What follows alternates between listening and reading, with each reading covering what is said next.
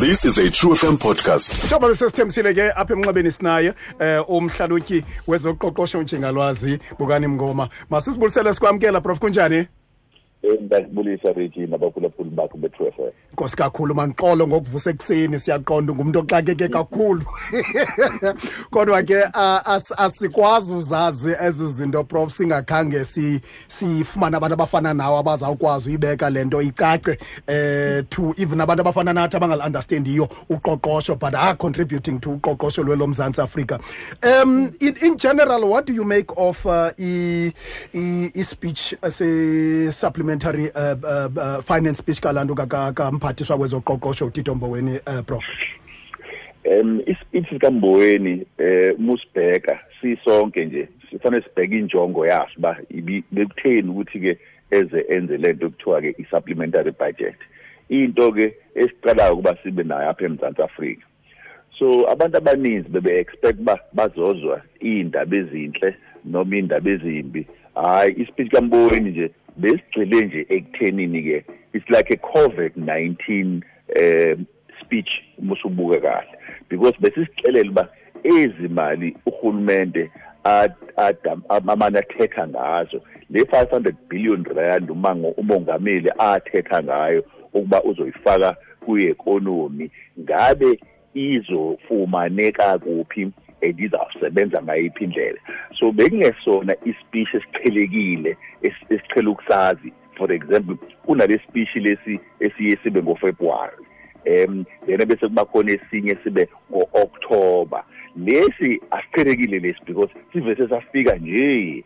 Um because of isimo esikusona njengamanje. Yingakho abaninzi besibiza nge-emergency uh, budget speech uh, whereas in fact it is a supplementary budget speech because when ubhototolo mboyeni wabeka ipishi speech yakhe ngofebruary this year akekho umuntu obazi uba hey sizawuba kule ngxaki le and okuthetha uba yonke ibudget almost all the budget esasibekile ngofebruary uma usubuka kahle isiyaphaya kwento ye-covid as opposed to ama-projects nama-activities esesiwaqhelile uba-ke nyaka wonke kuza kwenzeka oku kwenzeke oku kwenzeke oku. So mina beninga- beningamiss beningacimbi uba kuzoza iy'ntweni ey'thize for example ihafu um akusona ispeech sokuthetha ngehafu esi. Bekuyispeech sokuthi-ke asixelele uba-ke njengoba sikule ngxaki ye-covid-19 le mali siyifumanaphi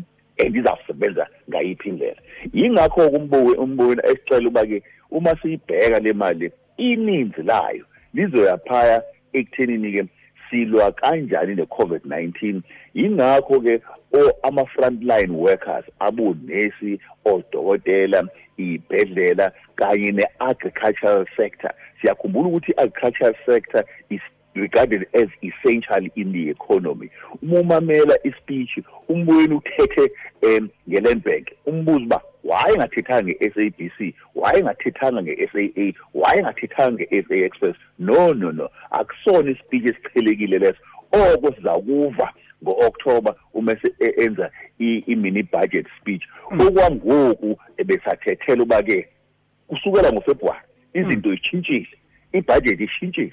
Besicinga uba um ebudget lo-five hundred billion rand sizawusebenzisa oku nawoku manje ama- ama-department atshwayelile ukuba um ake nithi ukumancinci izinto beniyiplanile asizukuyisebenzisa ngoba sinale sifo sobhubhane i-covid-19 buyisanaphi imali kumina? Khona nizokwazi uba-ke ndiyisprede so that we can be able to fight. I-issue ye-covid-19 Alright uthi thaca kwakhe his main budget speech ngofebruwari benika umkhombandlela into yoba kuza kwenzeka ntoni phi naphi naphi yegqi i-coronavirus yavele yayitshintsha yayiguqula yonke loo nto. Eh sivile ethetha nangonyuka kwe- kwezinga le-unemployment okubangelwa yile coronavirus. Sivile echaphazela nento yoba kuzawufuneka kubekho eh imali ezawubolekwa as well ukhawulana nayo yonke le nto. Now initially the plan when ngeli xesha isize ithi thaca ngofebruwari ibisichazela kanye into yoba kuza kwenziwa ntoni. Sars ngokubethakele nayo in terms of collecting taxes and stuff mm. but now into enomdla ngayo eh wena mntakamngoma because uyithethile wayivelela into yoba into ye-new tax increases is necessary to deal with ilantuka i-debt le yomzantsi afrika. Uh, he, as far as i'm concerned ngokova kwam he didn't make any major tax increases um, uh, announcements per se. Kodwa mna nomuntu osestratweni ngoku nomuntu ophangelayo noyi-taxpayer. Ithetha uthini yonke le nto yale coronavirus? Because uyifanise wathi the elona xesha lokugqibela where i-country economically was plunged kwinto efana nale was during the great depression. But kuthi thina abantu eh bahluphekayo sivile nge-unemployment eseyinyukile ngoku ithetha uthini yonke le nto ke ngoku yoluqoqosho lwethu lu-upside down? Into ethethayo uba khumbula uba even before singene kule coronavirus ngoba kunezinto ey'mbili apha kube ne-coronavirus eqale phaya e-china um ngodisemba 2019 then-ke kuthe sisawucinga uba heyi nansi ingxaki yafika apha emzantsi afrika. Then kwase kuba khona into ekuthiwa i-lockdown. Remember in south africa asikaze sibe nento ekuthiwa i-lockdown. In fact i-economy yethu ayikaze ivalwe. uh, even iviki iviki nje lili let alone a month or even 21 day sesisa ku level eh 5 so into engaqhelekile ena.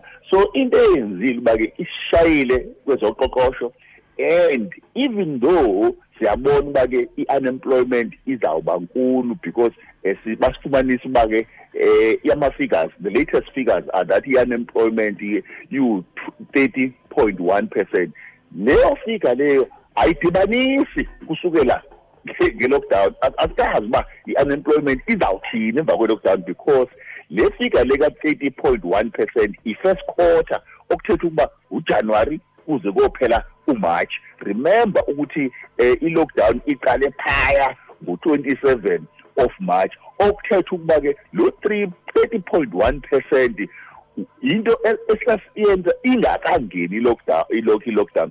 Now kuthetha ukuba ke abantu abaninzi uma sesibuka kwi-second quarter meaning ukuthi u-april may june baninzi abantu abazolahlekelwa imisebenzi already sezivile uba o-cell c o-sun international o-edgas bafuna ukudenda abasebenzi. So abantu abangathathi into bazoba sengxakini ephindwe kabini kwabo abantu abaphangelayo. Because even nabaphangelayo abanasiqinisekiso ukuba ke basazawubuya beyifumane imisebenzi yabo after i-lockdown. Kuthetha ukuba ke iy'khathi esikuzona yikhathi enzima kakhulukazi abo bantu abangaphangeli because izawubashaya i-lockdown ibaphinda phinde because i-economy yethu kwangoku. Singene apha kwi-lockdown sivese sikwi-recession size sikwi-dump status esiyi-junk.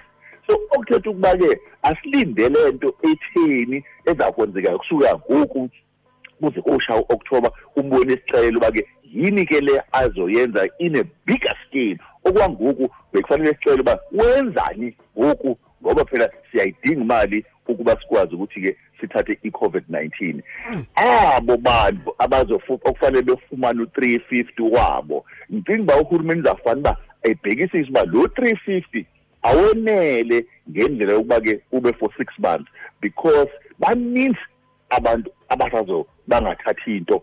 And i-UIF i-unemployment insurance fund izawuhamba ihambe ibe nengxaki uba ibhatale wonke umuntu isikhathi esingaphezulu ka-six months because yingakho uhulumeni ethatha isigqibo sokuba hayi i-economy asithi uyivula kancinci khona abantu bazawuphindela phaya bephangela because uma ngabe engaphangeli kuzawuba nzima uba i-UIF iqhubeke ibhatale.